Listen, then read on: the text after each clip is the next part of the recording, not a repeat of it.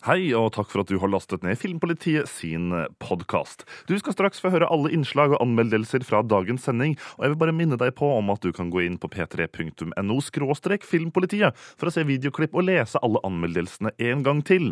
Og der kan du også finne kommentarfeltet for å si din mening. Her kommer dagens eh, sending. Kos deg.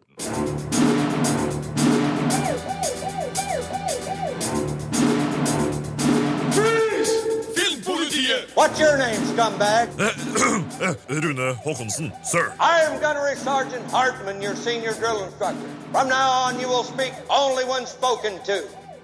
Eric Banna driver ut demoner i eksorsismetrilleren Deliver Us From Evil, som har kinopremiere over hele landet i dag. Det har også den forferdelige musikalfilmen Walking On Sunshine, filmen om klesdesigneren Yves Saint Laurent og det kanadiske dramaet Vic pluss Flow. Du skal få dobben over alle premierefilmene i dagens Filmpolitiet. Det inkluderer også Dragetreneren 2, oppfølgeren til den vilt suksessrike Dreamworks-filmen fra 2010. Om fire minutter møter du regissør Dean DeBloy, som forteller at filmteamet reiste til Svalbard for å hente inspirasjon. Alexander Rybak har stemmen til hovedperson Hikken, og han har laget låta som avslutter hele eventyret. Du får også møte Rybak etter dommen over Dragetreneren 2 er falt om ca. ti minutter her på NRK P3. Husk at du alltid kan se klipp fra filmene og diskutere våre anmeldelser på p3.no skråstrek filmpolitiet. Straks møter du altså regissøren bak Dragetreneren 2 her på NRK P3. Ti minutter over elleve. God fredag! Du hører på Filmpolitiet på NRK P3. Nå skal det handle om Dragetreneren 2, som har premiere på norske kinoer i dag. Birger Vestmo møtte mannen bak filmen, nemlig Dean DeBloy, under årets Cannes-festival, og måtte spørre hva er det med vikingene som fascinerte regissøren. I think just the idea that they they uh, had far. You know, it was the age of exploration, and and the Vikings were very bold and fearless, and not worried about sailing off the edge of the earth. They just kept pushing further and further, and so there's so many cultures that were touched by the Vikings, both you know positively and negatively, and uh, I I think that they are the you know the original explorers. Og steikje! Jeg veit hva du har tenkt å si. Norway was a big, big inspiration for the look of the film as well. We went to Svalbard to research and uh, spent some time up there. So all of Valka's land is, is kind of based upon the, the amazing light and Arctic wilderness that we discovered in Svalbard. What made you draw inspiration from the Vikings in the dragon movies? Well, I think you know Hiccup is a different kind of Viking, isn't he? But he, he still has that itch to to fly out further, to go past the map, and discover what lies beyond. I think it's a hobby of his, but it's also an, exp- an expression of the restlessness he feels um, at this point in his life. He's 20. His father wants him to stay home, become the new chief of Burke, and and he feels that there's something more for him, something that is more uh, uh, in keeping with his his soul that's out there. And, and lo and behold, he discovers that. You have already committed to a third one. Yes. Do people know how much work you have to put in these movies? I think I think people are always surprised when they see how much meticulous work goes into the crafting of an animated movie. In fact, most people don't know that it takes upwards of three to four years to make one. But it's uh, it's almost too mundane to go into. It's probably better that they just experience it as a uh, kind of a magical experience. Birger Vestmo intervjuet og møtte regissøren bak Dragetreneren 2, Dean DeBloy, på årets Cannes-festival. Er filmen verdt å se på kino? Dommen skal du få straks her på NRK P3, rett etter Donkeyboy. Dette er Crazy Something Normal. Filmpolitiet anmelder film.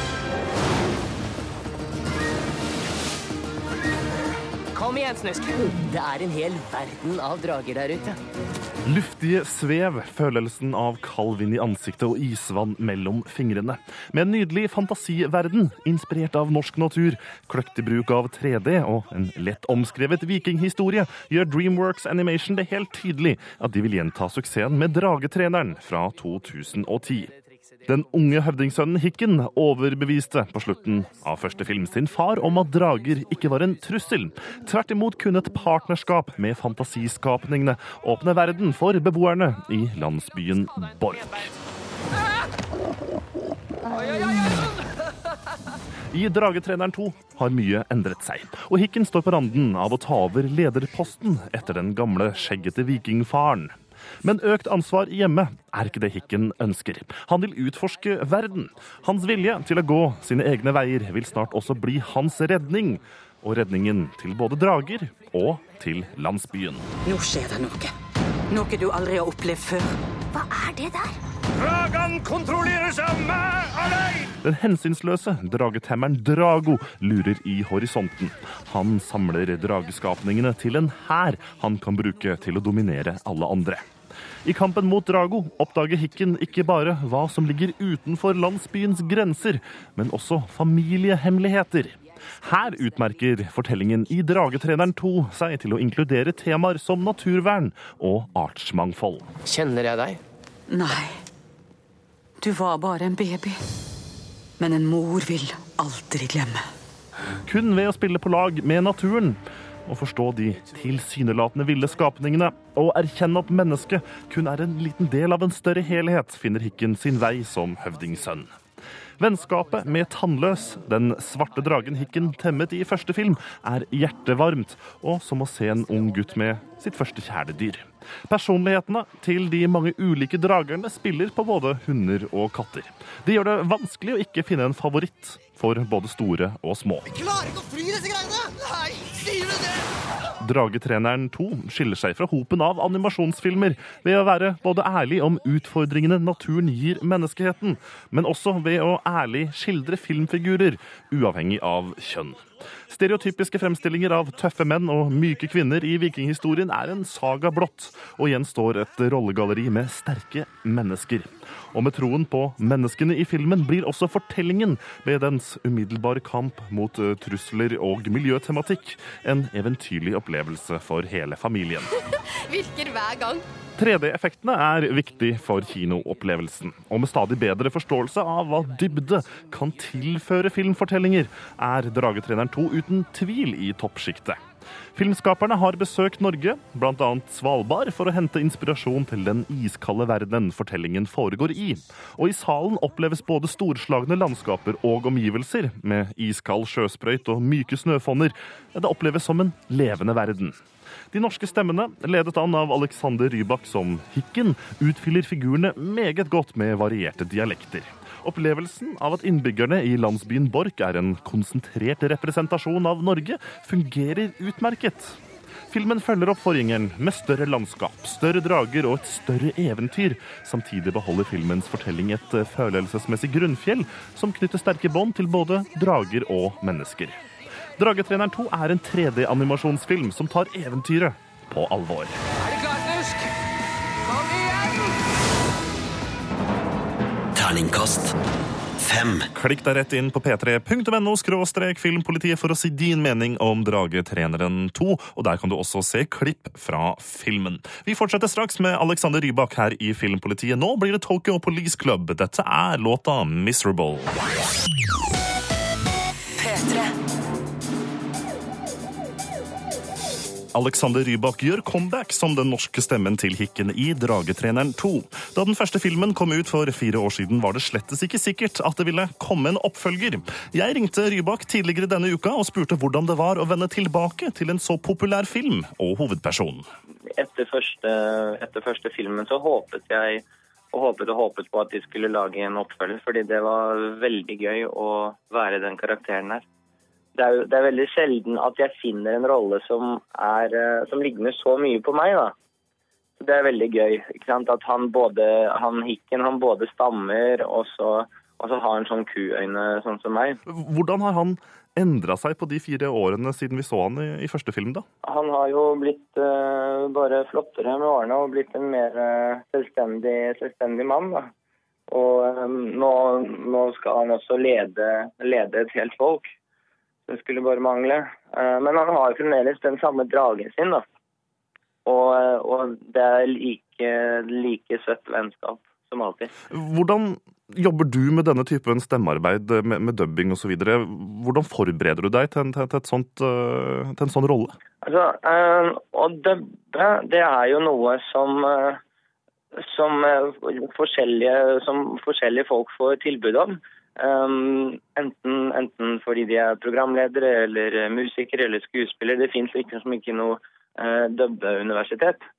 Så liksom alle får en sjanse, og jeg er veldig glad for at jeg fikk min sjanse med, med den rollen. Og um, jeg vet ikke med andre, men jeg er musiker, så for meg var det viktig å uh, høre på rytmen, høre på musikken. Og så er jeg kanskje litt i overkant opptatt av eh, at det er lipsynk. Eh, Det er veldig viktig for meg at det er ikke, det er ikke bare følelser og um, ekte, um, ekte expressions og sånn, men også at um, munnen helst skal stemme med lyden. Alexander Rybak har altså stemmen til Hikken i den norske kinoutgaven av Dragetreneren 2, men han har også vært med og skapt lydsporet til filmen. Låta Into a Fantasy avslutter eventyret og blir å høre i kinosaler verden over. Hvor kom ideen fra? Hvordan fikk Dreamworks tak i låta? Og hvordan høres den ut? Det får du svar på om noen få minutter her på NRK P3. Først Coldplay i Filmpolitiet. Dette er Paradise. P3. Coldplay Paradise i Filmpolitiet på NRK P3, hvor Alexander Rybak er med på tråden. Dreamworks' store animasjonssatsing Dragetreneren 2 har ikke bare hentet inspirasjon fra norsk natur. Alexander Rybak har også bidratt med en sang til lydsporet, som avslutter hele eventyrfilmen. Eh, Hvordan kom dette samarbeidet her i stand, Alexander? Da jeg sendte inn en låt med dem på, på ren impuls, så, eh, så trodde jeg ærlig talt ikke at de skulle svare. Jeg, jeg trodde veldig på den melodien her, da. Faktisk, for å være ærlig, så var det egentlig en melodi som var påtenkt til min eh, musikal om troll på norsk, som jeg har jobbet med nå i to år. Så dette skulle egentlig være avslutningssangen på den musikalen. Uh, men så skjønte jeg at å herregud, den her kommer til å passe enda bedre på engelsk. Har du også gått ut i, i det norske kulturlandskapet for å hente inspirasjon? Ja, altså, eh, nå er jeg jo så heldig at jeg har, jeg har den posisjonen at jeg er eh, kulturdiplomat. Min, eh, en av mine misjoner er er å blande kultur og vise, vise det ene landet noen smakebilder fra det andre landet. Og, og det gjør jeg ved min eh, fiolin, da. Så jeg føler at som komponist så, li, så liker jeg å gjøre mange ulike sjangre, men som fiolinist og artist så prøver jeg å holde meg til denne folke, folkepopsjangeren. Selvfølgelig når, um, når jeg også blir inspirert av eh, en stor, stor film, og vet at eh, jeg kan til og med få eh, publikum ut, utover landet og kanskje til og med utover Europa, så, så vil jeg jo selvfølgelig bruke den folkemusikken. Og da er det kanskje helt naturlig at eh, vi spiller låta til eh, deg, Alexander, i Filmpolitiet. Into a Fantasy heter den. Hvordan vil du beskrive den for, eh, for helt eh, nye lyttere? Eh, Jeg er veldig glad for å ha fått med denne låta her. Og eh, jeg prøver aldri å tenke at eh, dette er et skritt mot noe større. Jeg tenker at nå, nå er den i rulleteksten i filmen, og det er så stort som det kan bli. Og i tillegg er jeg selvfølgelig superhappy for at Dreamworks har eh, vært med på musikkvideoen. Så den må dere se. Uh, Into a Fantasy på YouTube. Men, uh, men her skal dere få høre låten som eh, jeg er fornøyd med. Håper dere liker den nå. Her kommer den Into a Fantasy. Hør Filmpolitiet om igjen når du vil. Og last ned podkast på radio nrk.no. Takk til Alexander Rybak. Du hørte låta hans Into a Fantasy, som altså avslutter eventyrfilmen Dragetreneren 2.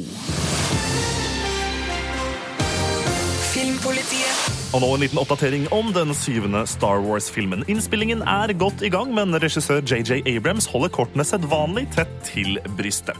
Knapt noe info om historien i filmen er kjent, men nerdeambassadøren og filmregissør Kevin Smith er en av de få som har fått besøke filmsettet.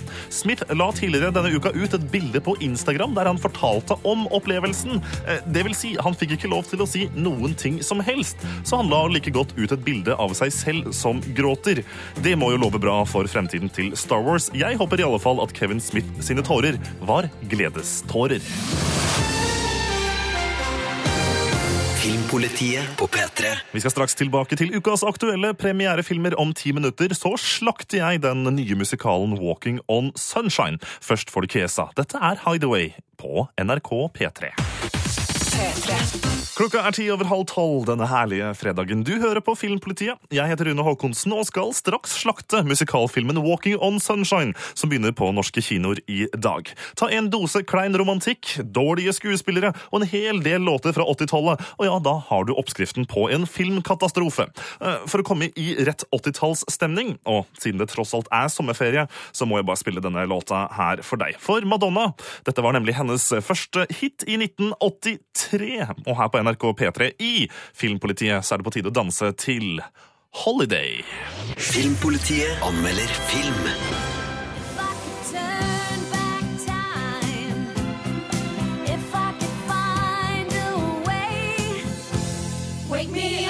Intensjonen bak filmen Walking on Sunshine er åpenbar.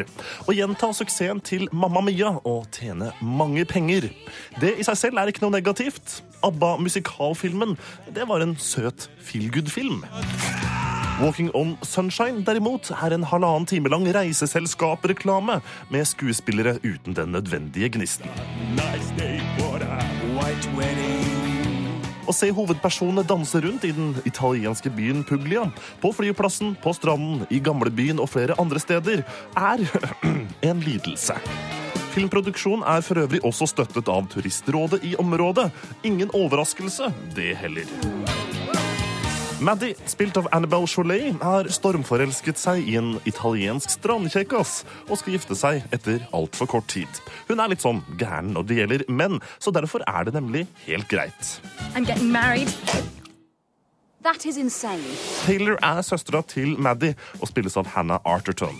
Hun ankommer Puglia for å delta i festlighetene og bryllupet. Men så viser det seg at Maddies kommende mann Raff, spilt av Gulio Berutti, også er Taylors gamle ferieflørt. Taylor og Raff elsket hverandre så mye at når Taylor ville gå på universitetet, i stedet for å bli en permanent strandboms med Raff, så kuttet de all kontakt. Mobiltelefoner og Facebook eksisterer ikke, og langdistanseforhold er tydeligvis helt utelukket i Walking on Sunshine. Og når Taylor forsøker å skjule at hun fortsatt elsker Raff, som da skal gifte seg med søsteren, ja, da blir det forviklinger. Å, herregud, det blir forviklinger. So fiance? Men så skjer det som ikke skal skje. Den manipulerende, sleipe ekskjæresten til Maddy kommer for å redde henne fra et bryllup hun selv ikke vet at hun ikke vil gå igjennom med. I'm here to rescue you from making the worst mistake of your life. Doug, spilt av Greg Wise, er en mannssjåvinist som har behandlet Maddy dårlig i flere år. Men så er han da så fordømt sjarmerende at Maddy likevel blir usikker på om hun bør gifte seg med den italienske strandkjekkasen hun møtte noen uker i forveien, og i stedet gå tilbake til den undertrykkende ekskjæresten. Nei, vet du hva, stopp dette. Jeg vil av 80-talls musikkarusellen. Solfylte og solariumsbrune dialogsekvenser og halvhjertede dansescener forsøker å løfte humøret, men en total mangel på kjemi mellom skuespillere gjør at ingen fremstår som troverdige. Kjærligheten? Nei, jeg tror ikke på det. Søsterskapet? Nei, jeg tror ikke på det. Men hva med vennegjengen som kommer på utdrikningslag i Puglia? Nei, jeg tror ikke på dem heller. Musikalnumrene? Nei, de er halvhjertet gjennomført med pinlige dansenumre foran Puglias mange turistattraksjoner. Gjør deg selv en tjeneste. I stedet for å kjøpe billetter til en lang reklamefilm for Ving, Apollo og Startur, altså jeg mener da filmen Walking on Sunshine, så kan du heller sette av pengene til en ekte ferietur. Walking on sunshine. Terningkast to. Les mer om film, spill og serier på p3.no Filmpolitiet. Filmpolitiet hver fredag fra 11 til 1 på P3. Sia med låta Chandelier her på NRK P3. Før det fikk du Arif og Low Key. Klokka nærmer seg tolv med stormskritt her i Filmpolitiet. Og vi tar en liten pause fra de kinoaktuelle premierefilmene. For i neste uke kommer en hel del storfilmer på Blu-ray og DVD. Blant dem er 300 Rise of an Empire. Birger Vestmo anmelder. Filmpolitiet anmelder film. Only the gods can defeat the Greeks.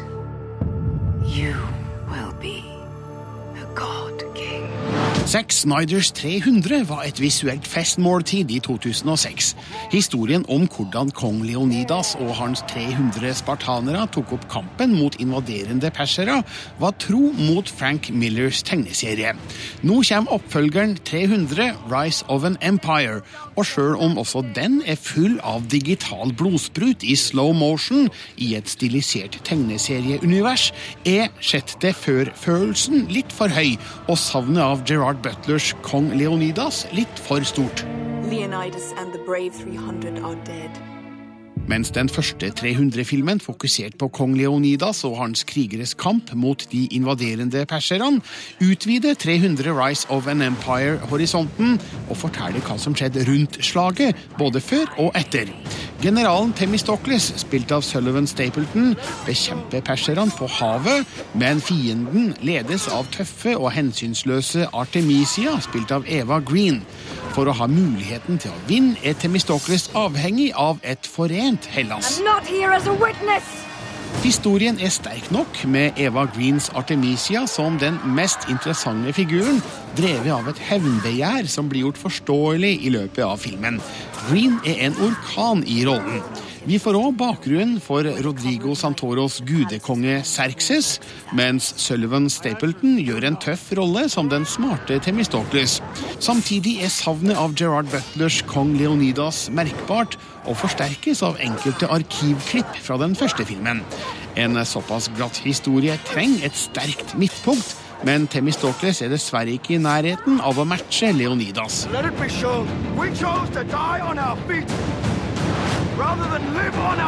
Helt fra starten blir det klart at regissør Noam Murrow følger Zack Snyders etablerte filmunivers til punkt og prikke. Hva annet skulle han gjort? Snyder er nemlig både manusforfatter og produsent her. De golde, glatte, teksturløse bildene av barske, lettkledde krigere med imponerende magemuskler er tilbake. Det eneste nye er at alt er konvertert til 3D, med vekslende suksess. 3D-effekten går ut over kontrastnivået og gir filmens digitale landskap et uvelkomment gråskjær. 300 Rise of an Empire byr på flere imponerende sjøslag, blodige sverdkamper og heltemodige handlinger. Den kan ikke vise til samme balansegang som den første 300 hadde, mellom det tøffe på den ene sida og det parodiske på den andre, men underholder godt med sine ekstreme figurer, stiliserte kamper og en troverdig tegneseriehandling. Filmen når kanskje ikke samme kultnivå som forgjengeren, men er et verdig kapittel i 300-universet. A wind has blown across Greece. A wind of vengeance.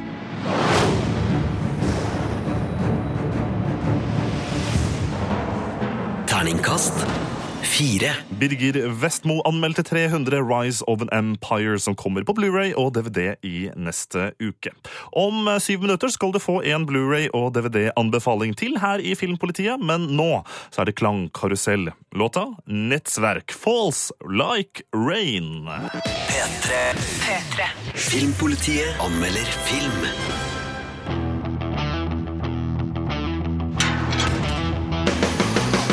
Fantastiske skuespillerprestasjoner fra Matthew McConaughey og Jared Leto gjør Dallas Buyers Club til en imponerende film. Men også regissør Jean-Marc Vallée skal sjølsagt ha full kred for å fortelle en i utgangspunktet mørk og trist historie med store mengder sort humor og overraskende høy energi. Det her er både morsomt, rørende og underholdende, og med interessante figurer som er en glede å oppdage. Mr. Woodruff, you've tested positive for. Året er 1985. Texaneren Ron Woodruff, spilt av McConaughey, får beskjed om at han har hiv. I tillegg til umiddelbar utstøtelse fra jobb og kompiser, må han nå kjempe for medisiner. Ron ser et markedspotensial og får tilgang til en betydelig kundekrets via homofile Rayon, spilt av Jared Leto. Ron må jobbe rundt systemet for å kun skaffe kundene medisiner som ikke er godkjent i USA. Det er flere ting som gjør historien umiddelbart interessant. Ron Woodruff skildres som ekstremt homofobisk, slik hele miljøet han kommer fra er. Nå er han plutselig nødt til å forholde seg til homofile i en felles kamp, der Rayon blir hans nærmeste allierte. Dessuten diskuterer filmen legemiddelindustriens makt over amerikanske myndigheter, og dilemmaet rundt krav til testing av nye legemidler over lang tid før eventuell godkjenning, satt opp mot hiv-smittedes forståelige tidsnød og vilje til å ta sjanser. Det første som slår meg når jeg ser McConaghy og Leto i denne filmen, er hvor ekstremt tynne de er. Men vekttap er bare en del av figurutviklinga. De greier òg å skape særegne og fullendte personligheter, spesielt McConaghay. Leto får litt for lite spilletid. Ron Woodruff fremstår som en luring med en svært selektiv moral. Men i løpet av filmen får han en ny forståelse for flere aspekter ved tilværelsen. En historie om hiv, aids og død virker kanskje avskrekkende, men her er det all grunn til å komme seg på kino. Dallas Buyers Club fortelles med pågående driv, mørk humor og sterkt skuespill. Og så er det en ny, imponerende hovedrolle fra Matthew McConaughey, som i sine 20 år som skuespiller aldri har vært bedre enn han er akkurat nå.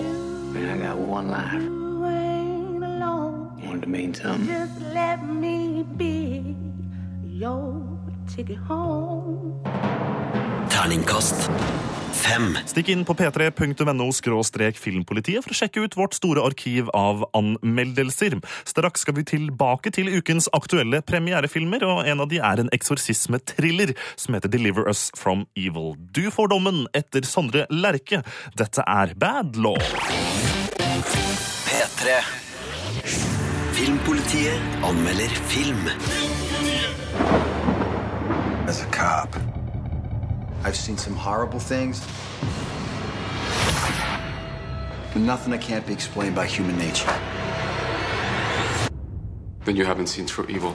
Ralph Sarchi, spilt av Eric Banna, er en hardbarka politimann som jobber natteskiftet i en spesialgruppe for alvorlige forbrytelser i New Yorks verste strøk. En jobb som viser ham det verste mennesker er i stand til å gjøre mot hverandre. Sammen med partneren Butler, spilt av Joel McHale, kjent fra serien Community, patruljerer Sarchi byen om natta. Styrt dels av hans radar, en magefølelse som drar han mot tilsynelatende normale politisaker, som skjuler noe mørkt og dystert. En kveld fører denne magefølelsen Sarchi til en sak hvor politimenn ikke strekker til. Possible 1025 at the Bronx Zoo. Purpose potentially still at the scene. Hey, Sergeant Sachi, right? What's the damage here? Weirdest thing, the whole zoo lost power. Some woman flipped out. She split against the crowd. Now we can't find her. She must be hiding somewhere in the park. Filmen Deliver Us From Evil forteller effektivt, og selv om åpningsplakaten hevder at filmen er inspirert av virkelige hendelser, er det en fantasifull fortelling om demonbesettelse. Virkemidlene er tidvis grusomme, i en så sterk grad at jeg mener filmens 15-årsgrense er i mildeste laget. Sporene fører betjenten Sarchi etter tre tidligere Irak-soldater som har noe mer enn posttraumatiske stresslidelser i bagasjen. Snart dukker flere saker opp. My husband Jimmy sometimes has these fits where he claws at things. En kvinne kaster spedbarnet sitt inn i løveburet i den zoologiske hagen. En familie melder om mystiske lyder i kjelleren. Ei jente hører skrapelyder under senga. Christina heard scratching noises under the floor in her room. Scratching noises? Alt bygger uten stans opp spenningen regissør Scott Derrickson med stø hånd balanserer godt gjennom filmens to timer.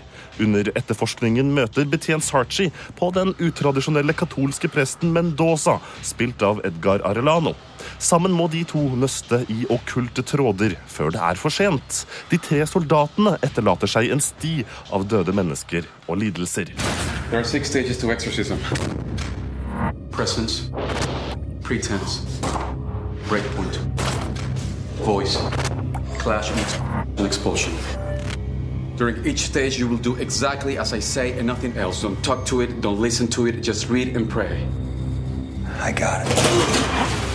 Med krystallklare bilder filmet digitalt kommer nattens og byens mørke underside godt frem, takket være fotograf Scott Kevin i Deliver Us From Evil.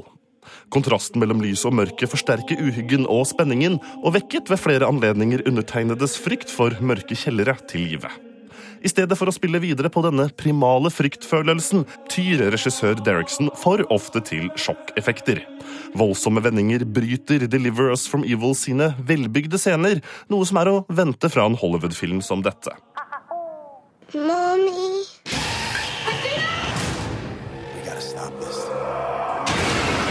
Hovedrolleinnehaver Eric Bana har ufortjent falt under radaren i den kommersielle filmbransjen det siste tiåret.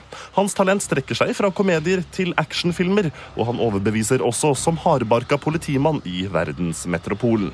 Preget av brutaliteten i jobben og rollen som familiefar, alt i møte med overnaturlige fenomener, tar Banna fortjent og velspilt all oppmerksomhet i Deliver Us From Evil. Joel McHale, som spiller Sarchies politipartner, har et større repertoar av komediefilmer og serier.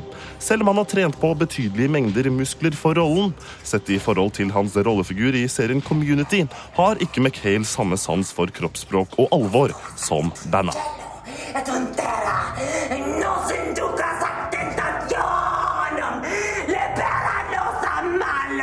Speak Latin, huh? What do you think of this? Med 'Deliver Us From Evil' hamrer regissør Scott Derrickson ubarmhjertig løs på sanser og fremkaller effektivt fryktfølelsen. Hollywood-tro og oppskriftsmessige sjokkøyeblikk kommer unødvendig ofte og punkterer en ellers velregissert berg-og-dal-bane. Filmens endelige eksorsisme vipper sluttopplevelsen opp et hakk med en forstyrrende og skremmende sekvens jeg ikke har sett maken til siden Eksorsisten. Se 'Deliver Us From Evil' med én du kan holde i hånda. Det trengs.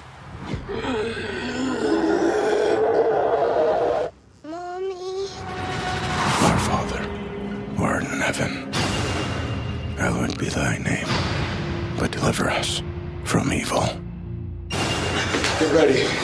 From what? Terningkast fem. Les mer om film, spill og serier på p3.no Filmpolitiet. Filmpolitiet hver fredag fra 11 til 1 på P3. Kyla Lagrange, god fredag på NRK P3 med Cut Your Teeth, nå til en av ukas aktuelle premierefilmer. Filmpolitiet anmelder film. Vous ne vous sentez pas trop jeune pour diriger la plus grande maison de haute couture française Peut-on savoir ce que vous comptez faire pour votre premier défilé Comment vous sentez-vous maintenant Je ne peux pas dire tout ce que je ressens, mais je ferai de mon mieux, et ce jusqu'au bout. Ça, je peux en faire le serment, oui. Et ikon, en trendsetter, en moterebell. Yves Saint Laurent gjenreiste på 1960-tallet haute couture-moten, og senere brakte han motens høykultur ut til de store massene. Da han døde i 2008, ble avisene fylt av hyllester som slo fast at han uten tvil var en av vår tids største moteskapere. Je veux créer en toute indépendance. J'essaie de m'exprimer, mais si on m'en empêche, je vais mourir. Allerede som 21-åring tok han over rollen som kreativ leder i motehuset til Christian Dior. Og her starter også fortellingen i filmen Yves Saint Laurent. Barndommen i Algerie, Laurents formative ungdomsår og veien til topps i Dior-systemet er viktige elementer i livet til moteskaperen, som regissør Jalil Jesper hopper over. Gjennom øyeblikksbilder fra 60- og 70-årene forsøker Lesper å granske mennesket bak de elegante kjolene, men glemmer på veien at Laurent var et menneske formet av et helt liv. Je ne vois pas comment vous comptiez resserrer la taille sans davantage. Si je peux me permettre. Comment trouvez-vous, mademoiselle Moi, j'aime beaucoup. Hovedvekten i filmen, om hans liv, handler om de korte, kreative, eksplosive periodene, nervøse forberedelser til visninger, og ikke minst mye festing. Tidskoloritten er overdådig og stilriktig, og mest av alt er kostymene slående. Gjennom å låne originale kreasjoner blir filmen Yves Saint Laurent en visuell fest. Dette er filmens sterkeste kort. Lorans homofile identitet får mye oppmerksomhet i filmen, spesielt hans forhold til partneren Pierre Berger. Men regissør Lesbeth undersøker i liten grad hvordan denne identiteten formet moteskaperen Yves Saint Laurent. J'ai dit que vous me plaisez, je vous regarde danser depuis tout à l'heure. Je vous trouve très belle, je vous trouve moderne, je vous trouve longue. Vous accepteriez de porter mes modèles Stadig dykk inn i narkotika, nervøse sammenbrudd og tilfeldig sex settes i liten grad i kontekst med arbeidet og tegningene som redefinerte moteverdenen. Skuespiller Pierre Ninet gjør en eksemplarisk prestasjon i hovedrollen som den nervøse, tandre og introverte Laurent. Gulam Galien overbeviser også som Pierre Berger, partneren i både liv og forretninger, som sammen med moteskaperen startet motehuset som i dag bærer navnet Yves Saint Laurent. Filmens forsøk på å skildre personen gjennom sentrale bruddstykker i hans liv bruker for lite tid på den kreative prosessen bak designarbeidet. Hva inspirerte han? Og ved å starte filmen etter hovedpersonens første 20 leveår, gjør det vanskelig å trenge igjennom og forstå personen som filmen tross alt handler om. Spesielt Yves Saint Laurents vanskelige ungdom som homofil, diskrimineringen og veien mot toppstillingen i Dior-selskapet er gapende hull i manuset. On se concentre, on se calme, ça commence dans 5 minutes. Victor, dépêche-toi. Tourne-toi. Victoire.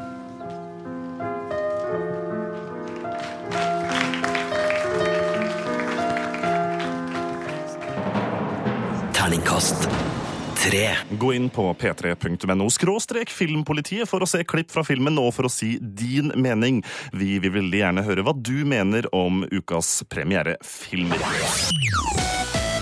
Du fikk Broods med låta Bridges her på NRK P3. Klokka er straks kvart på ett, og det betyr at jeg har én film igjen å anmelde. Fem ferske filmer begynner altså på norsk kino i dag. Du har hørt fire anmeldelser så langt. Den femte ut i dagens Filmpolitiet er over den kanadiske dramatrilleren Vic pluss Flow. Dommen får du rett etter feil og vad ad. Dette er låta Changes. Filmpolitiet anmelder film.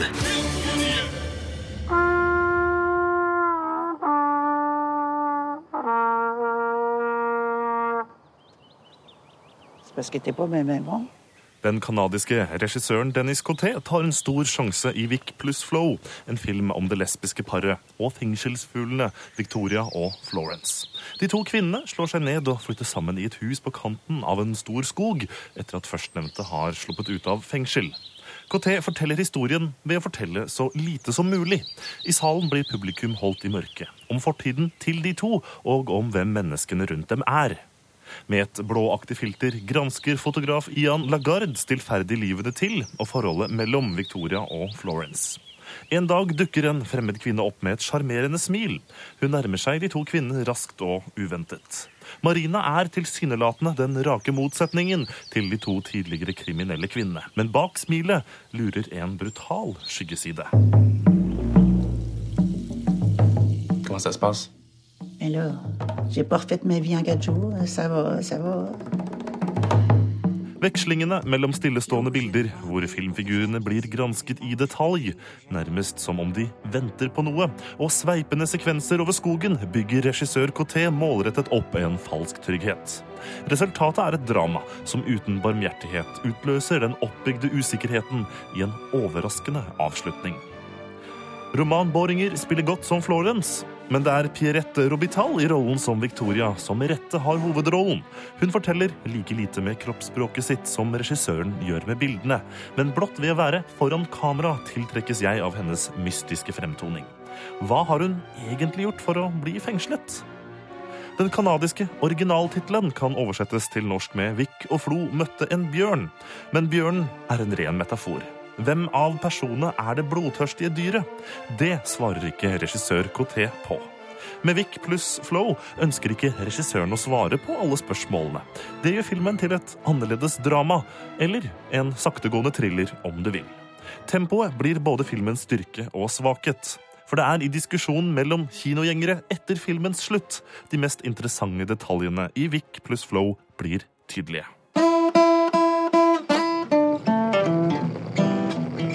Écoute, Charlot, je pense m'installer ici pour un bout. euh. T'as pas de trouble avec ça? Si vous êtes de la famille, c'est correct. C'est moi, Victoria. Votre nièce. Madame. Il parle pas, il est pas sourd. Terningkast fire. Gå rett inn på p3.no skråstrek filmpolitiet for å diskutere Vic pluss Flow, og ikke minst der kan du se klipp fra filmen. Iggy Azalea og Charlie XCX med låta Fancy. Nest siste låt ut i dagens Filmpolitiet. Husk at du kan gå inn på p3.no filmpolitiet for å sjekke ut alle anmeldelsene du har hørt i dagens sending. Fram mot en nyhetsoppdatering fra P3 Nyheter så får du Kurseron sammen med Mayor Hawthorne og Eastside. Dette er Deep End. Jeg heter Rune Haakonsen og sier god fredag! Dette er Filmpolitiet. Filmpolitiet På P3. Takk for at du har hørt hele Filmpolitiet sin podkast. Hvis du har lyst til å diskutere filmene eller lese anmeldelsene en gang til, kanskje du vil se noen videoklipp fra filmene vi har snakket om, ja, da går du rett inn på p3.no skråstrek filmpolitiet. Jeg heter Rune Haakonsen og ønsker deg en riktig så fin uke. Hør flere podkaster på nrk.no podkast. P3.